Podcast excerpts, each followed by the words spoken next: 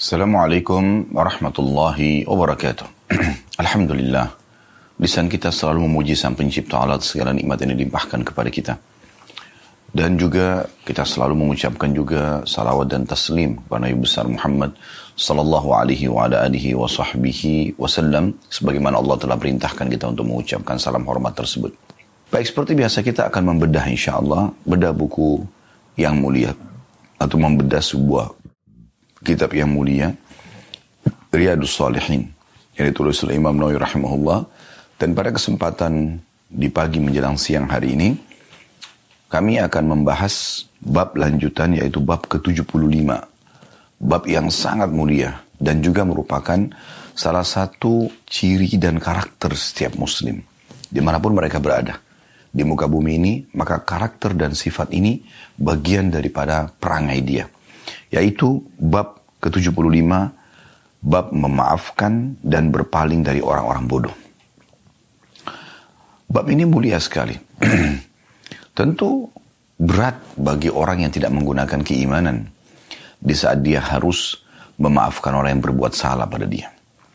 Kalau kita berjalan dengan akal manusia, apalagi ditunggangi dengan bisikan-bisikan syaitan, kita akan berpikir, untuk apa saya maafkan? Dia sudah menggibah saya, dia sudah memfitnah saya, dia sudah menyakiti saya, dan apa pun alasannya. Namun Islam yang merupakan agama dari sang pencipta Allah subhanahu wa ta'ala. Dan satu-satunya agama yang Allah ridhoi.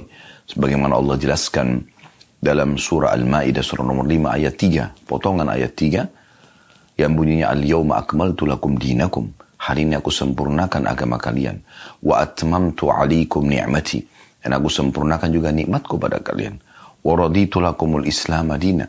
Dan aku ridho Islam sebagai agama kalian. Ini menjelaskan kepada kita sebagaimana Allah perintahkan justru di saat itu kita disuruh memaafkan. Subhanallah, hasil survei di masa kita sekarang dengan berkembangnya teknologi, ternyata orang yang bisa mengontrol emosinya, orang yang bisa mudah memaafkan dan lapang dada. Justru itu yang banyak selamat dari penyakit-penyakit kronis yang banyak menimpa orang di masa kita sekarang. Justru itu yang menjauhkan seseorang dari penuaan dini. Ya. Dan juga hubungan dia dengan Tuhannya Allah subhanahu wa ta'ala baik karena Allah perintahkan untuk itu. Dan hubungan dengan manusia pun jadi baik. Dan di sini dikatakan bab memaafkan dan berpaling dari orang-orang bodoh. Maksudnya Orang-orang yang menggunjing kita, yang memfitnah kita, menyakiti kita, orang bodoh. Mereka itu orang-orang yang tidak faham. Kalau mereka faham, mereka tidak akan melakukannya. Mereka justru sangat bodoh karena mengikuti hawa nafsunya. Yang nanti akhirnya Allah akan murka dengan dia sebagai pencipta karena Allah larang orang untuk melakukan perbuatan-perbuatan tersebut.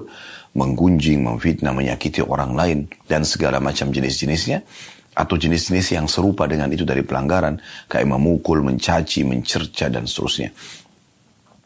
Dan juga dia akan merusak hubungan dia dengan manusia. Orang yang dia gunjing, orang yang dia fitnah, orang yang dia sakiti, itu akan membenci dia. Dan orang-orang yang disakitin ini punya masa, punya keluarga, punya teman-teman yang bisa dia pengaruhi juga untuk membenci orang tersebut. Oleh karena itu, apa manfaatnya? Nabi alaihi salatu wassalam mengajarkan kepada kita banyak contoh dalam kehidupan beliau sallallahu alaihi wasallam. Beliau sangat jauh dari emosional, dendam, ya. Kemudian juga uh, apa namanya? Uh, putus asa, ya. Yang biasanya muncul justru karena permasalahan-permasalahan seperti permasalahan-permasalahan seperti ini. Jadi seperti orang karena disakitin maka dendam, balas dendam balaslah kebodohan dengan kebodohan. Nabi SAW tidak pernah lakukan itu. Wahsy saja yang sudah jelas membunuh pamannya di perang Uhud. Masuk Islam, membebaskan kota Mekah. Nabi SAW menerimanya. Abdullah bin Abi Syarh, sepupunya Utsman bin Affan yang masuk Islam. Kemudian dia menjadi penulis wahyu Nabi. Lalu kemudian dia murtad dan dia mengiklankan kemurtadannya di Mekah. Dan dia mengatakan semua yang saya tulis dari ayat-ayat Al-Quran yang Muhammad suruh itu saya palsukan. Lalu Nabi SAW mengatakan, sungguh dia telah berdusta. Dia tidak mengarang-arangnya karena wahyu menyampaikan itu benar. Dia hanya ingin mengacaukan saja. Namun pembebasan kota Makkah juga masuk Islam. Hindun yang sangat membenci Islam. Pembebasan kota Makkah juga masuk Islam dan diterima oleh Nabi SAW. Ada orang Badui pernah datang. Menarik dengan keras. imamah dan baju Nabi SAW sambil berkata kasar. Berikanlah harta Allah yang dipercayakan kepadamu untukku. Nabi SAW sambut dengan senyum. Jadi ternyata sifat seperti ini karakter seorang mukmin. Bukan menandakan dia lemah, tapi justru dia tidak dia tidak menanggapi kebodohan orang-orang dengan kebodohan juga.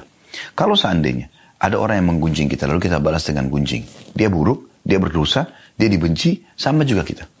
Kalau dia memfitnah, lalu kita ikut juga memfitnah, maka sama saja posisi kita, tidak ada bedanya satu sama yang lain. Kalau dia menyakiti, kita juga menyakiti. Sama saja. Ya. Bahkan dalam sebuah hadis, ya, dikatakan, kalau seandainya, ya, kalau seandainya, seseorang itu terzalimi di dunia, kemudian dia tidak membalasnya, maka dia akan mengambil haknya sempurna pada hari kiamat nanti. Kalau dia sempat membalas, maka Allah akan melihat kadar balasan dia.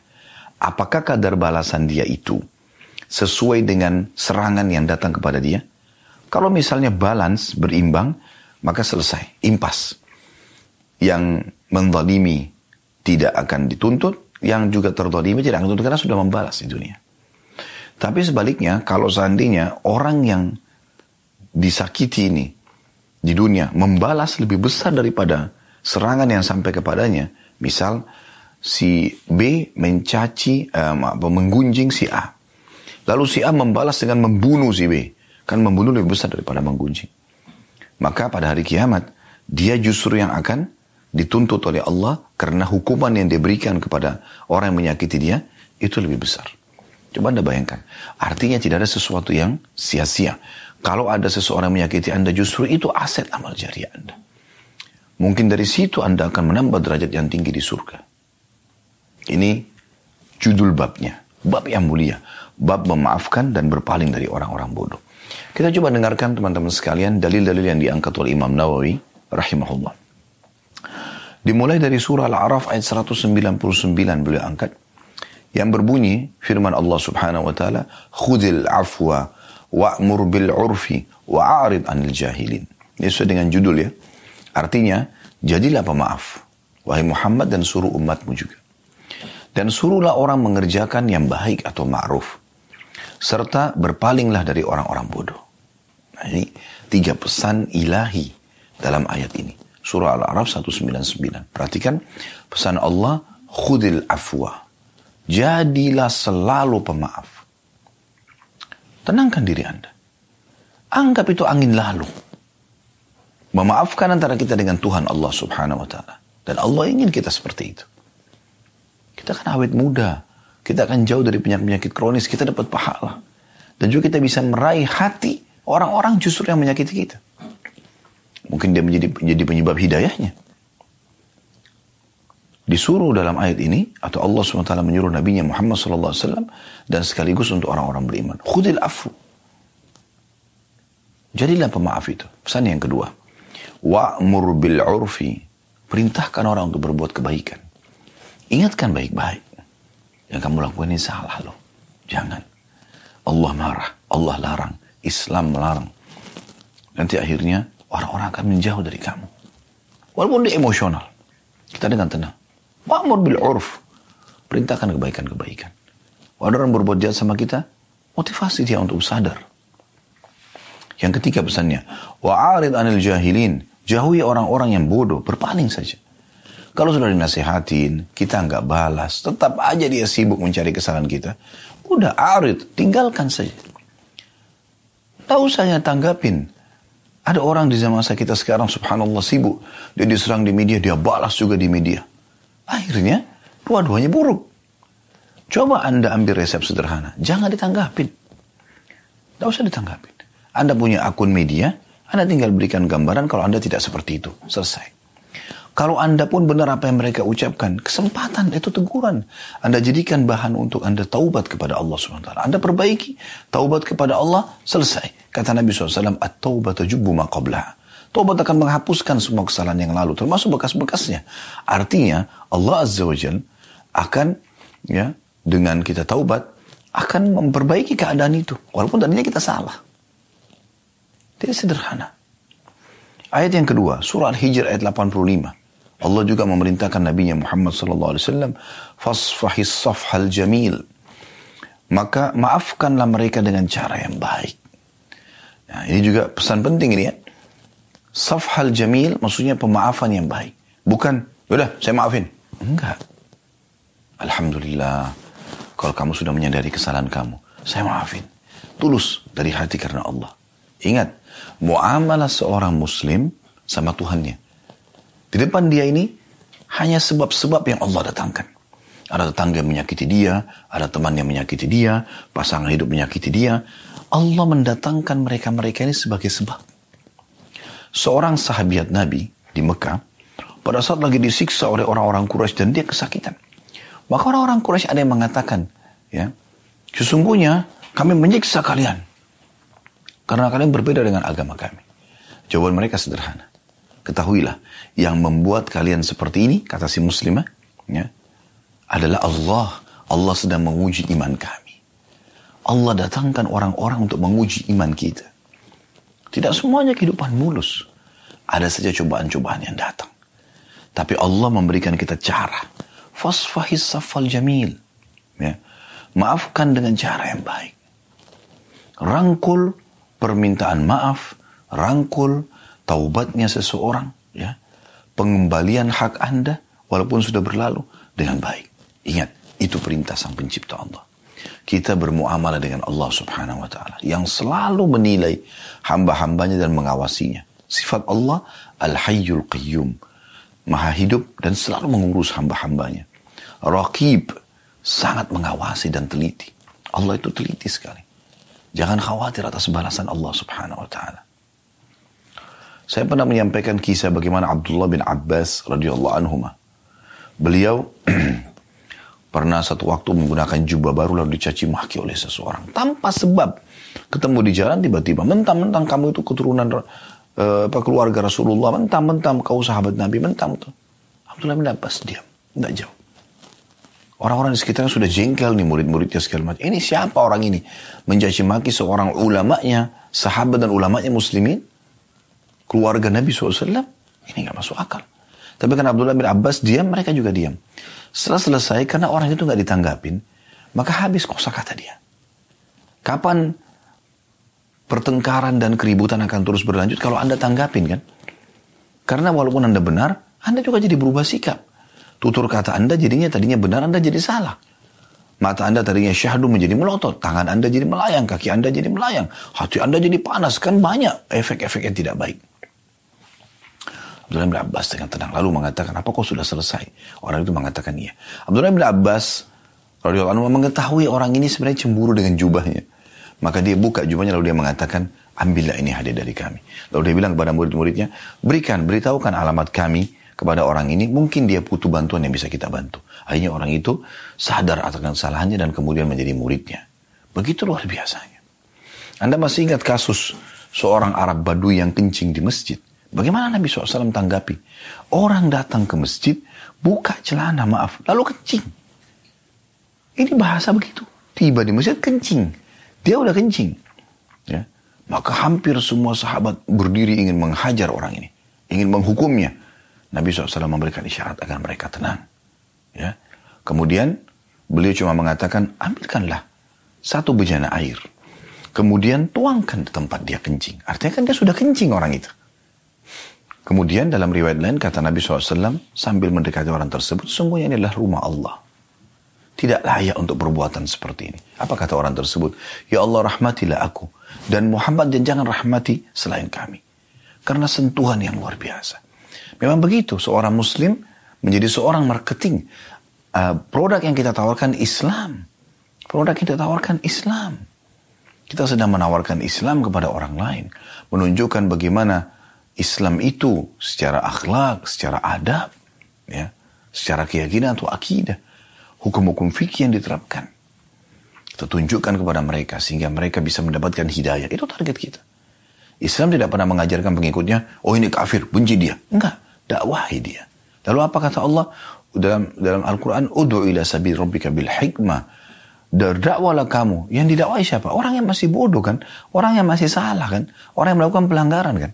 Allah mengatakan berdakwalah hai Muhammad ya di jalan Tuhanmu bil hikmah dengan hikmah dengan bijaksana dengan santun dan sopan ya wal mau'idatil hasanah dan peringatan-peringatan yang baik sebelum Anda berikan ancaman orang kalau tinggalkan sholat akan dihukum begini dan begitu Anda sampaikan dulu motivasi orang yang mengerjakan sholat dapat apa sih motivasi agar orang itu kalau jujur mendapatkan apa Motivasi orang yang bersedekah dapat apa? Orang haji dan umroh dapat apa? Jangan langsung masuk ke ancaman.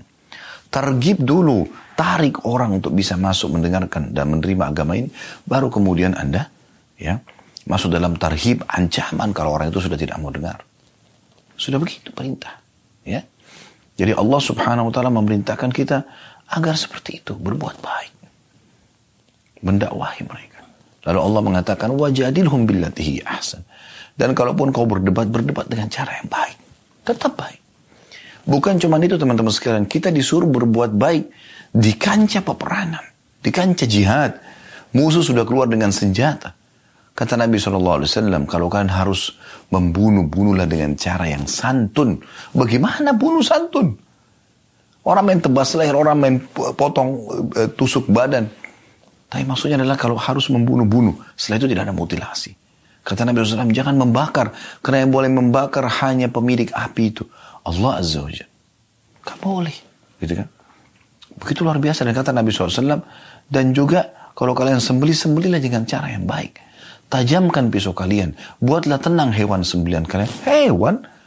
Bentar lagi juga dipotong, dimakan dagingnya. Tapi disuruh berbuat baik. Pernah ada seorang sahabat mau menyembeli dombanya ditidurkan di tanah. Lalu kemudian perutnya diinjak domba itu. Lalu dia asap pisaunya sambil domba itu melihatnya. Kata Nabi SAW, apa kau ingin membunuhnya dua kali? Kenapa kau nggak lakukan sebelumnya? Kenapa tidak asap pisau di tempat lain? Jangan perlihatkan kepada dia. Efek-efeknya banyak. Karena dia stres, hewan itu bisa berontak dan lari, atau melawan, atau bahkan bisa membuat dagingnya jadi keras.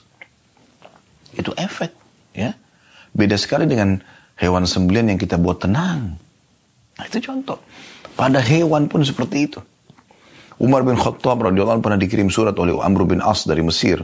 Pada saat Mesir sudah ditaklukkan, ada jalur air yang ingin dibuat oleh Amr bin As dari Sungai Nil menuju ke masyarakat Mesir supaya masyarakat Kairo tepatnya supaya air lebih gampang mereka raih daripada mereka harus menuju ke Sungai Nil.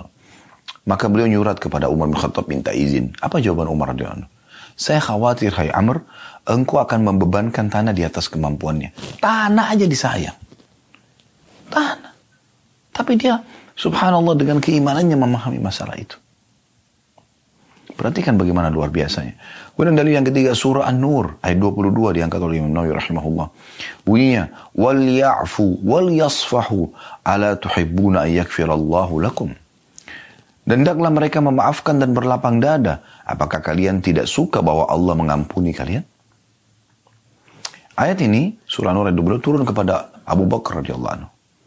Anda mungkin sudah pernah kisah, sudah pernah dengar kisah kami sampaikan ya. Kisahnya unik sekali, kisah ifk. Kisah tuduhan uh, zina, fitnah zina Aisyah dengan Safwan radhiyallahu anhu. Padahal mereka berdua lepas dari masalah hal tersebut. Salah satu yang menyebarkan isu gosip tersebut adalah sepupu Abu Bakar atau sepupu Aisyah. Yang dia selama ini dibiayai hidupnya oleh Abu Bakar. Setelah Abu Bakar tahu, Abu Bakar boykot orang itu. Manusiawi. Masa orang ini dibiayai hidupnya, masih keluarga lagi, masih sepupu. Lalu dia menyebarin gosip fitnah itu. Ya. Ada yang mengatakan namanya Muslim bin Abi Muslim mengatakan kalau salah Marthad bin Abi Marthad ya. Uh, salah satunya seingat saya. Karena ada tiga orang yang waktu itu kena cambuk, dia sebagai sepupunya Abu Bakar atau sepupunya Aisyah, ya, salah satunya. Kemudian yang kedua Hamna binti Jahash, ini adalah uh, iparnya Nabi SAW, ya, saudaranya Zainab binti Jahash. Dan yang ketiga penyairnya Nabi Hasan bin Thabit, radhiyallahu majma'in. Mereka juga ikut sebarin gosip tersebut gitu. Tapi pada saat itu Abu Bakar akhirnya mengambil satu keputusan. Ini orang nggak tahu diri, udah dibantu, ya, masih kerabat, ngapain sebarin gosip tanpa memastikan? Akhirnya Abu Bakar memboikot. Mulai sekarang tidak ada bantuan lagi buat kamu. Apa yang terjadi? Allah subhanahu wa ta'ala turunkan surah An-Nur ayat 22. Ya, kalau di, dari awal ayat tentunya dan janganlah orang-orang yang Allah berikan kelebihan harta kepada mereka mengatakan kepada sana kerabatnya. Ya. Kalau apa namanya? Ya. Mereka tidak akan dimaafkan. Kita bisa lihat surah An-Nur ya. Saya coba buka uh, ayat lengkapnya. surah nomor 24 Allah berfirman, Anda bisa buka surah An-Nur surah nomor 24 ayat 22, "Wala ya'tali ulul fadli minkum was-sa'ati an yu'tu uli an yu'tu ulil qurba wal masakin wal masakin wal muhajirin fi sabilillah wal ya'fu wal yasfahu ala tuhibbuna yakfirallahu lakum wallahu ghafurur rahim." Dan janganlah orang-orang yang mempunyai kelebihan dan kelapangan di antara kamu bersumpah, dan Abu Bakar bersumpah, mengatakan demi Allah saya tidak akan bantu kamu lagi. Ya kepada sepupunya ya bahwa mereka tidak akan memberi bantuan kepada kaum kerabatnya. Ya, karena orang ini masih kerabatnya. Orang-orang yang miskin dan orang-orang yang hijrah pada jalan Allah. Dan hendaklah mereka memaafkan dan berlapang dada. Coba bayangkan, anaknya sudah digosipin fitnah menjadi sumber gosip yang sangat besar pada saat itu di kota Madinah. Istri Nabi selingkuh. Abu Bakar sangat terpukul. Yang sebarin sepupunya. Bersumpah langsung Abu Bakar, saya tidak akan bantu kamu lagi demi Allah. Maka Allah menyuruh apa? Perhatikan. Dan janganlah orang-orang yang mempunyai kelebihan harta dan kelapangan. ya Di antara kamu bersumpah bahwa mereka tidak akan memberikan bantuan kepada kaum kerabatnya. Ini orang. ya Orang-orang miskin, dia juga miskin.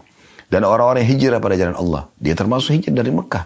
Ya, orang Mekah ini, muhajirin. Dan bahkan ikut di Badr. Maka Allah mengatakan, hendaklah mereka memaafkan dan berlatang dada berlapang dada, apakah kamu tidak ingin bahwa Allah mengampunimu dan Allah Maha Pengampun lagi Maha Penyayang. Ya. Subhanallah, pada saat turun ayat ini, kata Abu Bakar sambil menangis, betul Tuhanku, aku ingin engkau memaafkanku. Maka dia pun uh, apa namanya membayar sumpahnya, ya. Kemudian setelah itu dia kembali memberikan bantuan kepada sepupunya yang tadi, ya menyebarin gosip dan dia maafkan. Dan tentu dia tetap kena hukuman sepupunya Abu Bakar itu ya. Kena kena cambuk, menyebarin gosip 80 derah gitu. Nah, ini poin yang luar biasa. Kemudian selanjutnya teman-teman sekalian surah Ali Imran ayat 134 yang diangkat oleh beliau. Yang bunyinya wal afina nas wallahu yuhibbul muhsinin dan orang-orang yang suka memaafkan kesalahan orang lain dan Allah mencintai orang-orang yang berbuat kebaikan. Ya.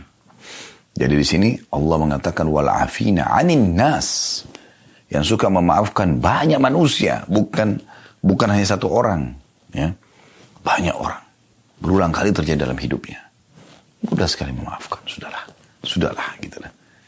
Tapi tetap ya, dia akan mendapatkan haknya di sisi Allah Subhanahu wa taala. Ya. Dan Allah menyukai orang-orang yang berbuat kebaikan. Kebaikan maksud di sini di antaranya adalah memaafkan orang. Kemudian surah Ash-Shura, ini dari Al-Quran yang terakhir yang diangkat oleh beliau, ayat 43 yang bunyinya wala man wala man sabara wa ghafara inna dzalika min azmil umur. Tetapi barang siapa yang bersabar dan memaafkan, sesungguhnya yang demikian itu termasuk perbuatan yang mulia. Barang siapa yang bersabar gangguan orang dan memaafkan, sudahlah. Gitulah. Orang bodoh, orang nggak paham. Gitu. Ya. Maka sesungguhnya ya, itu termasuk perbuatan yang mulia. Lalu kata Imam Nawawi rahimahullah di sini dan ayat-ayat dalam bab ini cukup banyak dan dikenal. Kita akan masuk ke hadis pertama, saudaraku seiman dalam bab ini, bab 75, bab memaafkan dan berpaling dari orang-orang bodoh, hadis nomor 648 dari awal belajar. Betul, Alhamdulillah kita sudah mempelajari 648 hadis bahkan lebih daripada itu karena terkadang dalam satu urut uh, nomor seperti ini ada beberapa hadis atau beberapa riwayat. Hadis ini berbunyi dari Aisyah radhiyallahu anha. Beliau berkata kepada Nabi SAW, Hal ata alaika yawmun kana ashadda min yawmi Uhud? Qala laqad lakitu min qawmiki. Wa kana ashaddu ma lakitu minhum yawm al-aqabah. إذ عرضت نفسي على ابني عبدي يا ليل ابن عبدي يا ليل ابن عبدي كلال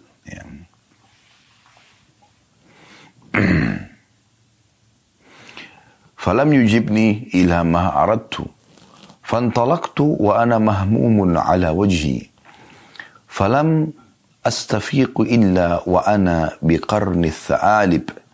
بقرن الثعالب فرفعت رأسي وإذا أنا بسحابة قد أظلتني. فنظرت فإذا فيها جبريل عليه السلام فناداني. فقال إن الله تعالى قد سمع قول قومك لك وما ردوا عليك وقد بعث إليك ملك الجبال لتأمره لتأمره بما شئت فيهم. فناداني ملك الجبال فسلم علي. ثم قال يا محمد إن الله قد سمع قول قومك لك وأنا ملك الجبال وقد بعثني ربي إليك لتأمرني بأمرك.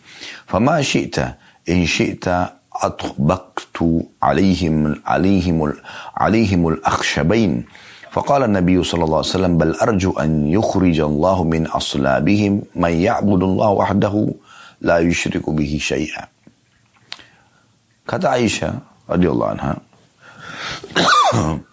mohon maaf. Apakah engkau pernah mengalami suatu hari yang lebih berat daripada perang Uhud? Beliau menjawab, Sallallahu Alaihi Wasallam, aku benar-benar telah mendapatkan apa yang aku dapatkan dari kaummu, ya Aisyah. Yang paling berat yang aku terima dari mereka adalah pada hari Aqabah. Ketika itu, aku menawarkan diri kepada putra Abdul Lail bin Abdul Kulal. Ternyata dia tidak menyambut apa yang aku inginkan. Maka aku pergi dengan sangat sedih sepanjang perjalananku. Aku tidak ber, ter, aku tidak tersadarkan diri kecuali ketika sampai di Karnes Tha'alib. Ya. Ini ada tulisan footnote nomor 507, tempat ihram atau mikot bagi penduduk Najd. Juga disebut Karnul Manazil, ya, yang berjarak sehari semalam dari kota Mekah. Aku angkat kepalaku, ternyata ada awan yang menaungiku. Aku memperhatikannya, ternyata di sana ada Jibril AS. Dia memanggilku dan mengatakan, Sesungguhnya Allah Ta'ala mendengar ucapan kaummu terhadapmu dan penolakan mereka terhadapmu. Dia Allah mengirim malaikat penjaga gunung kepadamu agar kamu memerintahkannya untuk melakukan apa saja yang kamu kehendaki terhadap mereka. Maka malaikat penjaga gunung pun memanggilku dan mengucapkan salam. Kemudian berkata, Wahai Muhammad, sesungguhnya Allah telah mendengar ucapan kaummu terhadapmu. Aku adalah malaikat penjaga gunung. Aku diutus oleh Tuhanmu kepadamu, agar kamu memerintahkanku dengan perintahmu. Terserah engkau. Kalau kamu mau, aku akan menjatuhkan akhsyabain atau dua gunung ini kepada mereka. Maka Nabi SAW bersabda, justru aku berharap semoga Allah melahirkan dari tulang sulbi mereka orang-orang yang menyembah Allah subhanahu wa ta'ala. Dan tidak menyekutukan apa pun dengannya. Hadis ini riwayat Bukhari dan Muslim.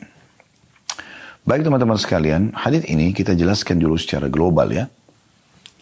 Hadis ini memberikan gambaran kepada kita bahwasanya di pandangan para sahabat memang yang kejadian Uhud ya pada saat Nabi SAW memerintahkan agar 4, 50 eh, pemanah tidak boleh turun dari bukit pemana. Dan ternyata ada 43 orang yang memaksakan diri untuk turun. Dan hanya melanggar perintah Nabi SAW dan karena itu sebabnya pasukan muslimin terpukul mundur dan banyak korban. Termasuk korban adalah paman kandung beliau yang sangat beliau cintai yaitu Hamzah radhiyallahu anhu majma'in. Walaupun ini mati syahid, tapi kejadian itu membuat Nabi berpikir kenapa harus ada seperti ini. Dan kata Umar radhiyallahu anhu, aku tidak pernah melihat Nabi SAW menangis sesedih pada saat kejadiannya Uhud melihat jenazahnya Hamzah yang dimutilasi radhiyallahu anhu. Yang penting Aisyah sempat bertanya pada saat itu, "Wah Rasulullah, ada nggak sesuatu yang lebih berat bagi Anda dibandingkan hari Uhud?" Maka kata Nabi SAW, ada. Yaitu gangguan-gangguan dari kaum wahai Aisyah. Kaum di sini maksudnya adalah penduduk Mekah dan sekitarnya. Terutama pada saat aku di hari Aqabah. Aqabah ini uh, letter-letternya adalah sebuah bukit yang tinggi yang bisa dinaikin ya. Dan ini digunakan juga istilah akabah di tempat jumroh. Nah, bisa biasanya di musim haji Nabi SAW menggunakan kesempatan untuk mendakwai orang-orang gitu, ya. Tapi ternyata penolakan terjadi. Lalu Nabi SAW mengambil inisiatif, berpikir, apa ini jalan keluarnya? Lalu Nabi SAW melihat kota terdekat dengan Mekah adalah Taif. Maka beliau pun pergi ke sana dan bertemu dengan pimpinannya. Nah, tadi disebutkan ya nama orang tersebut ya Ibnu Abdi ya Lail ibni Abdi Kulal ya. Atau Kulal Kulal maaf Ibni Abdi Kulal. Dan ternyata dia juga menolak.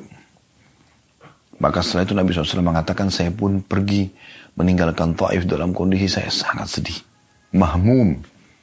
Sedih kenapa agama yang ditolak? Padahal ini kebenaran Nabi SAW tidak ingin kerajaan mereka, tidak ingin apa pun dari mereka. Cuma ingin mereka menyembah Allah dan tidak menyekutukannya sedikit pun. Maka dalam kondisi seperti itu, beliau mengatakan, saya terus berjalan tanpa saya sadari sudah saya, saya sudah sampai di Karnu Tha'alib, Karnu Tha'alib atau Karnul Manazil. Wilayah Najd tadi sudah disebutkan perjalanan sehari semalam dari Mekah. Jauh, jalan kaki ya.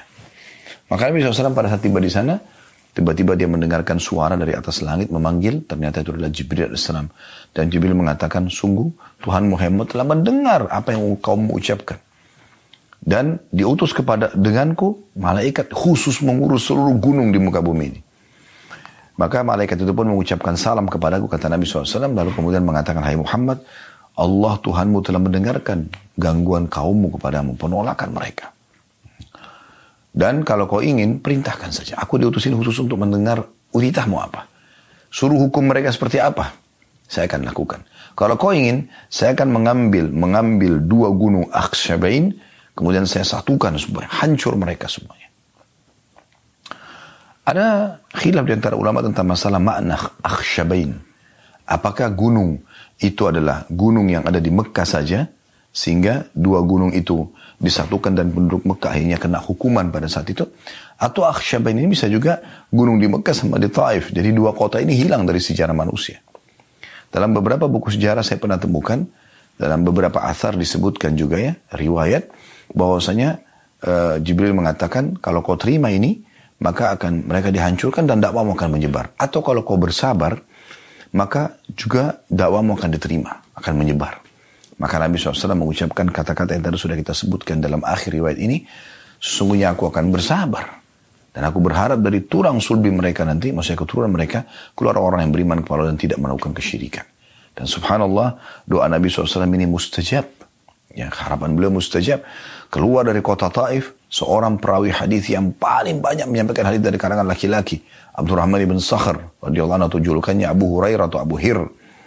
Dan keluar dari penduduk Mekah uh, dari As bin Wa'il ada Amr bin As. As bin Wa'il orang yang sangat benci Islam.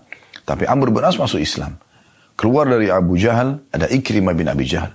Masuk Islam. Abu Jahal Fir'aunnya umat ini. Tapi anaknya masuk Islam. Ya. Kemudian dari Umayyah bin Khalaf ada Safwan bin Umayyah bin Khalaf. Masuk Islam. Safwan. Gitu kan. Jadi banyak yang lahir.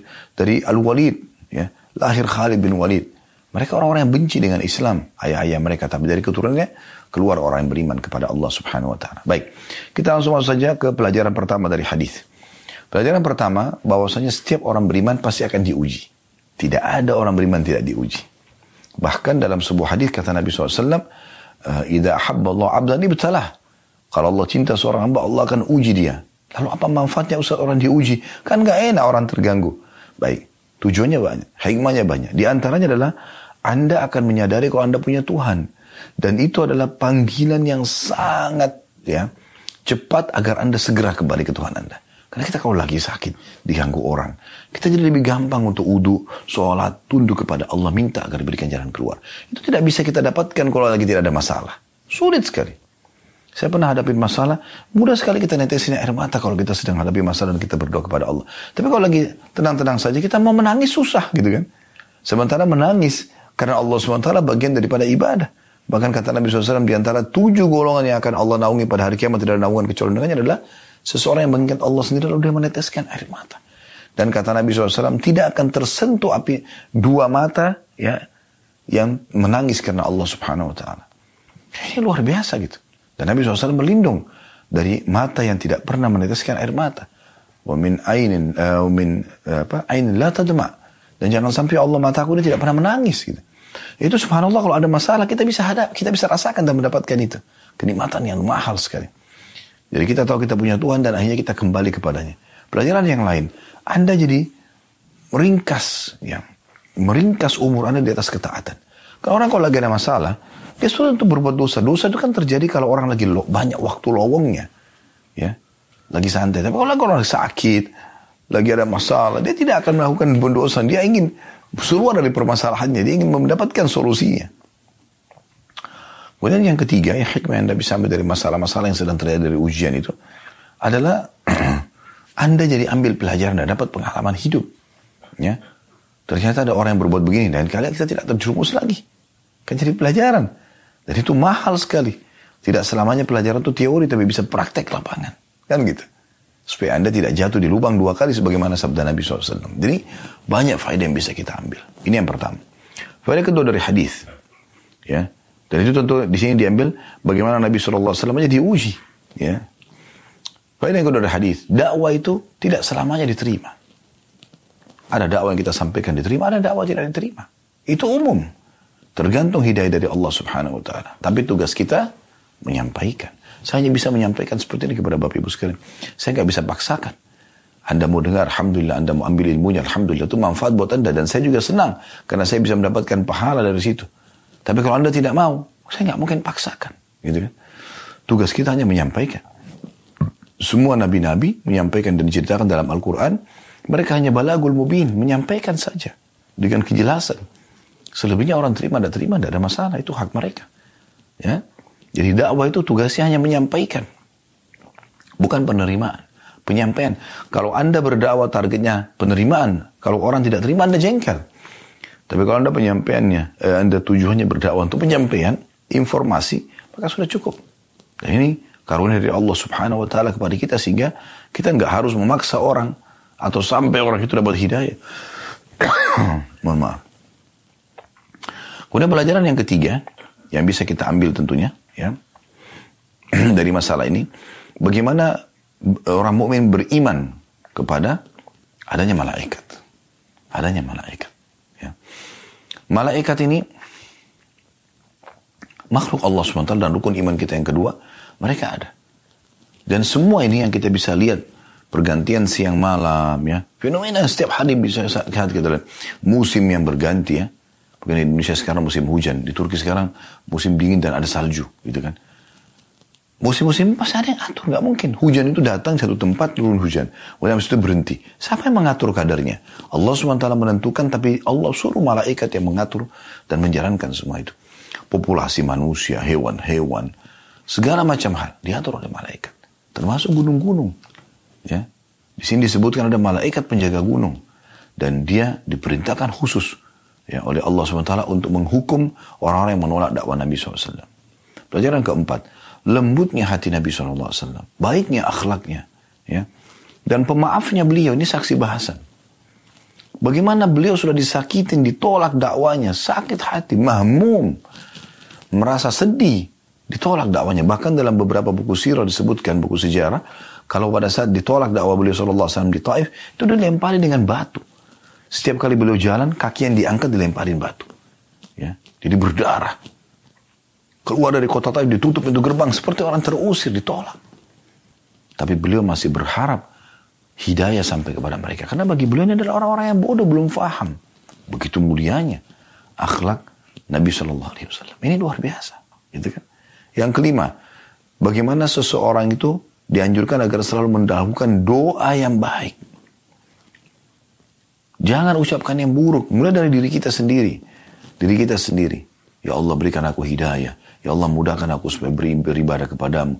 Ya Allah jauhkan dariku sifat ini misalnya. Selalu ucapkan yang baik kepada istri, kepada suami. Semoga Allah berikan hidayah. Semoga Allah mudahkan. Semoga Allah begini dan begitu. Kepada anak-anak. Jangan selalu nakal-nakal. Anak-anak aktif. Jangan selalu nakal kepada kendaraan kita, kepada harta kita. Kata Nabi SAW, jangan ucapkan perkataan buruk buat diri kalian, harta kalian dan keluarga sehingga malaikat lewat mengaminkan dan terjadi. Jangan. Ini penting untuk digarisbawahi.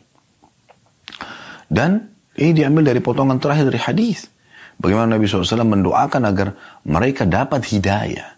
Mereka dapat hidayah. Ini penting. Ya. Baik, kita masuk hadis kedua dalam bab ini Hadis nomor 649.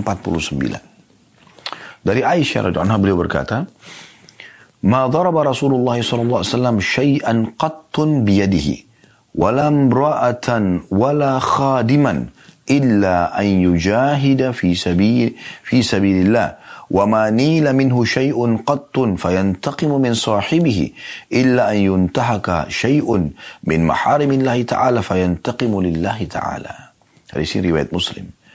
Terjemahannya kata Aisyah radhiyallahu istri Nabi SAW istri paling tahu tentang keadaan suami suami paling tahu tentang keadaan istri bagaimana informasi dari seorang istri yang mulia ini dia mengatakan Rasulullah SAW tidak pernah memukul sesuatu pun dengan tangannya tangan gak pernah mukul Berapa banyak orang yang melanggar masalah ini? Pukul istrinya, pukul suaminya, pukul anaknya, ya, pukul temannya, jagoan. Rasulullah SAW tidak pernah tunjukkan itu. Tidak pernah memukul istri ataupun pembantu. Kecuali jika beliau berjihad di jalan Allah berperang, ada musuh yang harus dipukul, ya ya.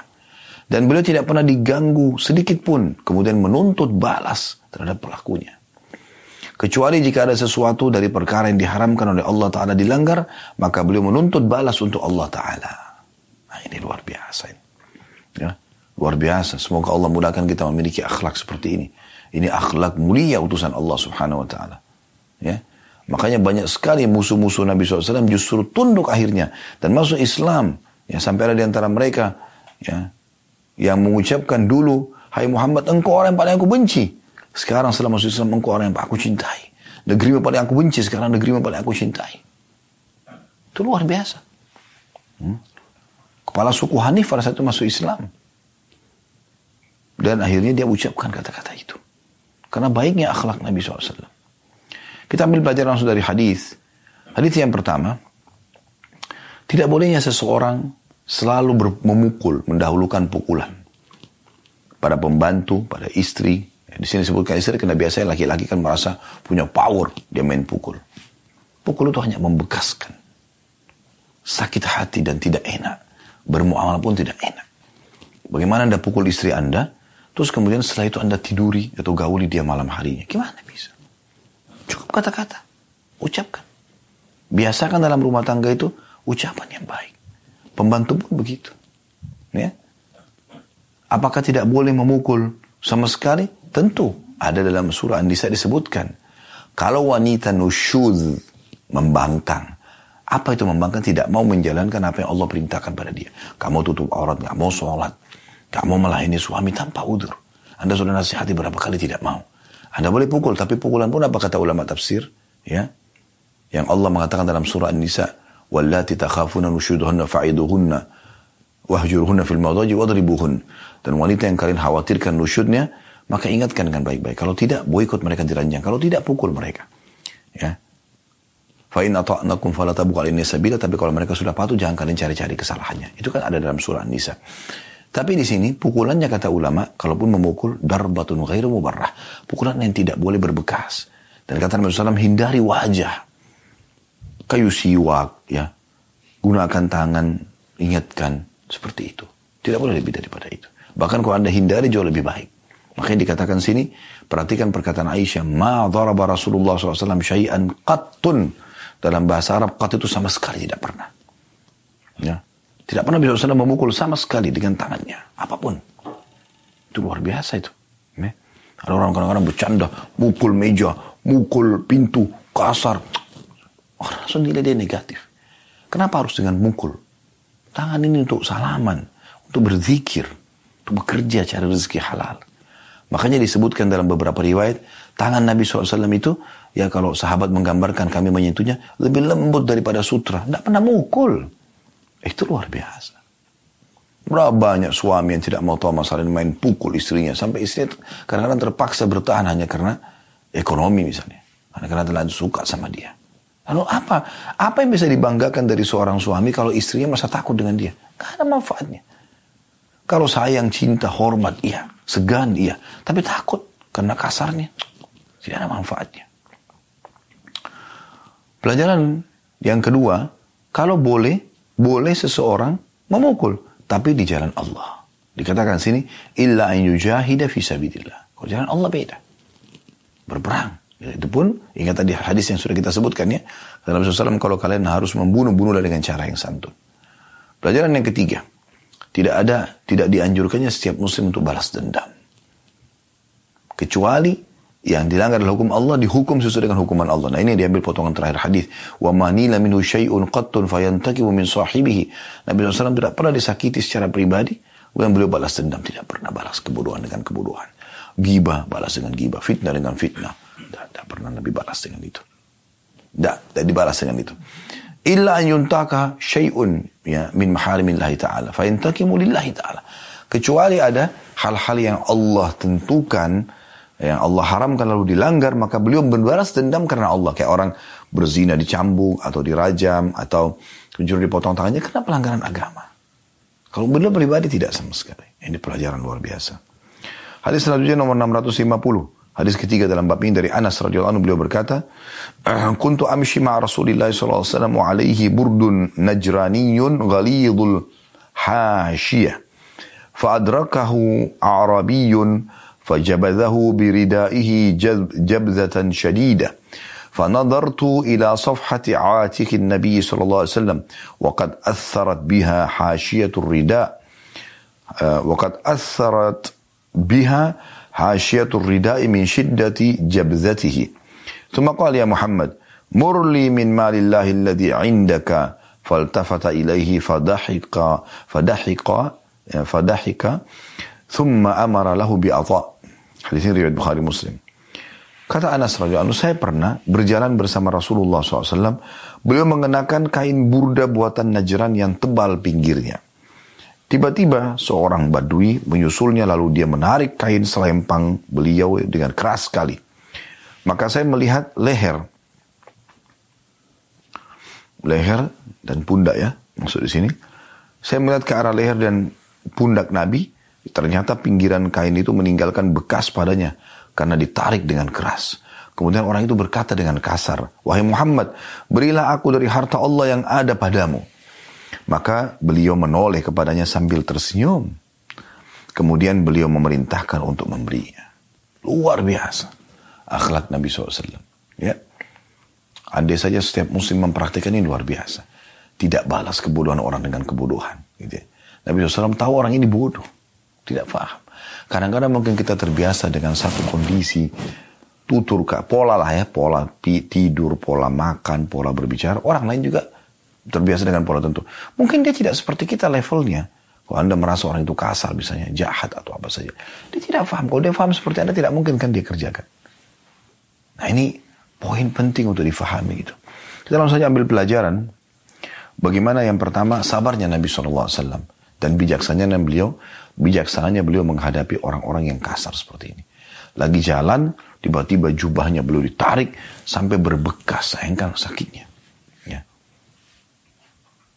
Jadi sabar sekali Nabi SAW. Ya. Tambah lagi orang ini kasar. Hai Muhammad. Bukan Rasulullah. Ya. Ya Muhammad. Murli min malillahi alladhi indak. Berikan aku dari harta Allah yang ada padamu. Coba Kasarnya luar biasa. Kalau ada orang mau minta sedekah pada anda begini ngomongnya, sambil tarik baju anda, kasih saya. Mana uang yang Allah kasih kepada kamu? Kira-kira kita ngapain? Mungkin kita tonjok orang itu, mungkin kita marah. Ya. Tapi subhanallah Rasulullah SAW tidak seperti itu. Balik, fadhahika. Maka Nabi SAW senyum, tertawa. Lalu menyuruh orang itu diberikan. Oh, luar biasa akhlaknya Nabi SAW. Ya. Jadi sabarnya Nabi SAW pelajaran pertama. Pelajaran yang kedua adalah pentingnya seseorang itu menghadapi masalah-masalah dalam kehidupannya dengan bijaksana. Dengan tidak membalas kebodohan dengan kebodohan. Ya. Kemudian kita tutup dengan dua buah hadis terakhir. Hadis nomor 651 berbunyi dari Ibnu Mas'ud radhiyallahu anhu beliau berkata, Ka'anni anzuru ila Rasulillah sallallahu alaihi wasallam yahki nabiyyan minal anbiya salawatullahi wa salamu alaihim ضربه قومه فأدموه وهو يمسح الدم على عن وجهه ويقول اللهم اغفر لقومي فإنهم لا يعلمون Hadis ini riwayat Bukhari Muslim. Seakan-akan saya masih dapat melihat Rasulullah SAW ketika beliau sudah menceritakan seorang nabi dari para nabi-nabi. Dia dipukul oleh kaumnya hingga berdarah. Dan dia menyeka darah dari wajahnya. Seraya berdoa, Ya Allah ampunilah kaumku karena sungguhnya mereka tidak mengetahui. Nah ini akhlak para nabi-nabi teman-teman sekalian bagaimana mereka subhanallah ya selalu saja mendahulukan agar hidayah dapat atau sampai kepada orang. Dan diikuti dengan kekuatan tauhid yang luar biasa, keyakinan luar biasa, bahwasanya Allah melihat, Allah mengawasi. Tidak akan sampai kepada kita gangguan apa pun kecuali memang dalam bentuk ujian dari Allah. Tidak akan sampai nikmat apa pun pada kita kecuali Allah yang mengizinkannya. Semua di sekitar kita ini cuma sebab. Bukan mereka intinya. Anda banyak, terima kasih Pak, terima kasih Bu. Karena sudah memberikan kepada Anda bantuan. Subhanallah, Anda lupa kepada Tuhan yang menciptakan mereka dan yang menggerakkan hati mereka untuk itu. Anda sibuk mengkantor sana sini serangan orang. Anda lupa sebenarnya sumber masalahnya adalah hubungan Anda sama Tuhan Anda rusak. Kenapa Anda tidak introspeksi diri, muhasabah? Sehingga Anda wudhu, cara taubat, mohon kepada Allah kalau ini dosa ya Allah, hilangkan. Itu. Pelajaran pertama dari hadis, bagaimana akhlak para nabi-nabi dan sabarnya mereka dalam menghadapi kaumnya, walaupun kaumnya ada yang kasar. Padahal semua nabi-nabi itu diberikan, keku diberikan kekuatan 10 orang laki-laki. Bisa melawan, tapi tidak selalu menggunakan otot. Gunakan perkataan dan akhlak yang baik. Itu mahal sekali. Ya. Pelajaran yang kedua, pentingnya untuk selalu mendoakan doa yang baik. Di sini lagi berdarah, dihapus darah itu sambil Nabi itu mengatakan kata Nabi SAW ceritakan tentang Nabi yang Nabi seorang tapi tidak sebutkan sih Nabinya siapa Allah mengfir kaum fenum layamun ya Allah maafkan kaum karena mereka tidak faham kalau mereka faham seperti kita, mereka tidak akan lakukan itu. Hadis terakhir dalam bab 75 ini adalah hadis nomor 652. Dari Abu Hurairah radhiyallahu anhu bahwa Rasulullah SAW bersabda, "Laisa laisa syadidu bis sur'ah." Laisa syadidu bis sur'ah. Innama syadidu alladhi yamliku nafsahu 'inda al-ghadab. Hadis ini riwayat Bukhari Muslim. Orang yang kuat, bijaksana, dewasa, perkasa, bukanlah orang yang selalu menang gulat akan tetapi orang yang kuat adalah orang yang mampu menguasai dirinya pada saat marah. La ilaha illallah. Ini luar biasa. Ya. Justru keperkasaan, kebijaksanaan, kedewasaan, kekuatan dilihat pada saat orang bisa mengontrol emosinya. Ini hal yang luar biasa. Anda bisa lihat orang kalau baru belajar bela diri, mungkin kalau dia baru belajar beberapa jurus, dia akan selalu cari masalah di tinggal jalan untuk menunjukkan kehebatannya. Tapi kalau orang sudah sampai pada masternya, mungkin dia tidak akan cari masalah. Tiba-tiba saja pada saat dia terdesak baru kemudian dia keluarkan ilmu yang dia miliki. Si orang jadi segan kan begitu. Jadi justru makin tinggi ilmu seseorang, dia makin bisa mengontrol emosinya. Nah itu puncak. Karena emosi ini teman-teman, kalau kita tidak kontrol, dia akan mengubah tutur kata yang tadinya lembut menjadi kasar. Dia akan ubah tadi tatapan mata yang syadu menjadi melotot. Dia akan mengubah tangan yang tadinya bisa merangkul, malah memukul kaki yang bisa melangkah ke tempat yang baik malah malah menendang dan seterusnya. Ya. Jadi tidak baik. Dan anda kalau satu kali sudah emosional pada seseorang segala macam, nanti interaksi sama dia pasti akan ada batas. Ya, ada batasnya. Karena orang masih mengingat kan masih berbekas perbuatan buruk kita itu. Walaupun kita dalam kondisi benar ya. Makanya Nabi SAW mengatakan, ingat, laisa sur'atu bil ghadab. Laisa syadidu ya. Laisa asyadidu bis sur'ah Bukan orang yang kuat itu dengan banyak bergulat, menang, kasar, banting pintu, teriak-teriak, pukul sana sini, melotot. Walakin suratu walakin innama syadidu alladhi yamliku nafsahu indal ghadab. Tapi orang yang kuat adalah justru orang yang bisa mengontrol emosinya pada saat dia marah. Karena kita kalau bisa kontrol emosi, maka dalam kondisi marah pun mata kita masih tetap syahdu tangan kita masih tetap merangkul, lisan kita masih mengucapkan, maka, maka ini dengan santun, maka ini akan menjadi sebuah uh, pukulan yang sangat berat bagi musuh. Ya, karena kita dengan tenang menghadapi permasalahan. Ya, ini penting, subhanallah. Uh, saya pernah punya pengalaman pada saat diundang dakwah di Amerika. Uh, karena visanya berlaku lima tahun, ya kita tutup dengan ini. Maka satu waktu setelah saya datang sekali, datang yang kedua kali atau yang ketiga kali pada saat itu ya. Seingat saya, saya datang sendirian. Lalu saya pikir visanya masih berlaku. Kemudian saya datang, seperti biasa saya langsung uh, ke imigrasi. Rupanya, sebelumnya saya waktu datang ada satu surat panggilan dari KJRI kita di Los Angeles untuk uh, waktu itu kalau tidak salah isi khutbah Idul Adha. Tapi kali ini tidak ada. Cuman uh, teman-teman panitia mengatakan Ustaz kami mau saya datang lagi. Baik, kami sepakat lalu saya datang. Ternyata ini membuat masalah ini karena mereka uh, menanyakan Kenapa datang? Kalau saya sebagai seorang turis kan harusnya ada travel yang menemani nggak seperti ini. Ditanyalah segala macam hal.